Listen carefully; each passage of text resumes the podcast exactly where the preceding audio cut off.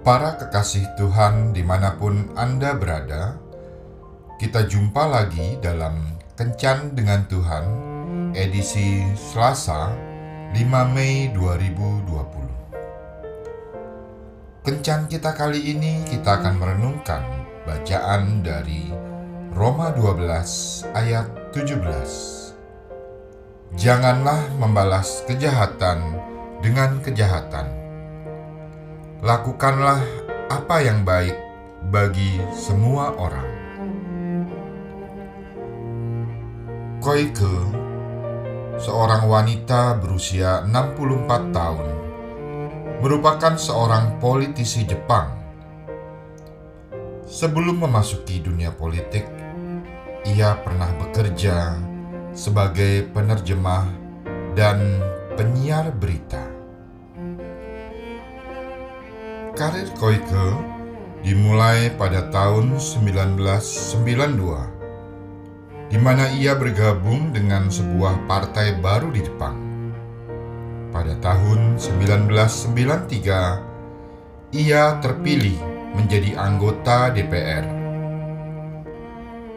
Di tahun 2002, ia bergabung dengan Partai Demokratik Liberal (LDP). Pada tahun 2003, ia menjabat sebagai Menteri Lingkungan Hidup dan pada tahun 2007 ia menjabat sebagai Menteri Pertahanan.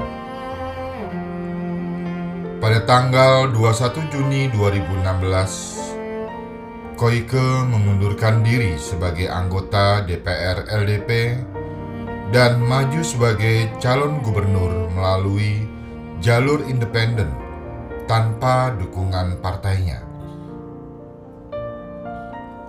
Selain tidak disukai oleh rekan partainya, ia pun menjadi cemoohan Sintaro Ishihara yang pernah menjadi gubernur selama 13 tahun.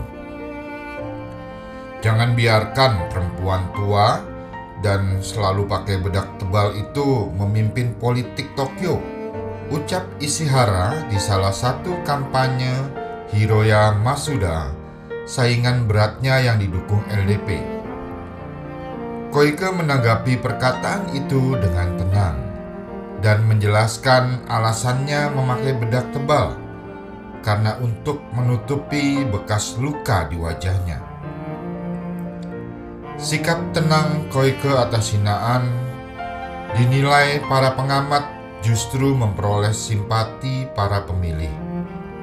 Pada akhirnya, ia menang dengan mendapat suara terbanyak dan ia menjadi gubernur wanita pertama di prefektur metropolis Tokyo atau wilayah istimewa ibu kota Jepang.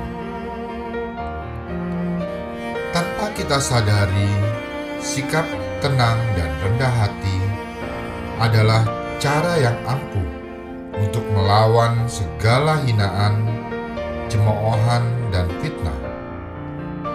Mungkin di saat yang lalu atau saat ini, kita begitu sulit menerima perlakuan atau perkataan yang menghina dan merendahkan kita. Tetapi, jika kita menyikapi dengan tenang dan rendah hati, dengan berdoa, meminta kekuatan dan hikmat Tuhan.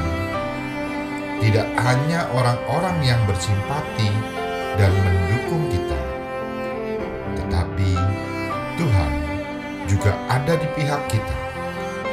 Hadapilah hinaan, cemoohan, dan fitnah dengan rendah hati, maka Tuhan akan bekerja untuk mengangkat kita. Tuhan memberkati. Marilah berdoa. Tuhan Yesus, berilah aku hikmatmu saat menghadapi hinaan, cemoohan, dan fitnah, agar aku dapat dengan tenang dan rendah hati menghadapinya. Amin.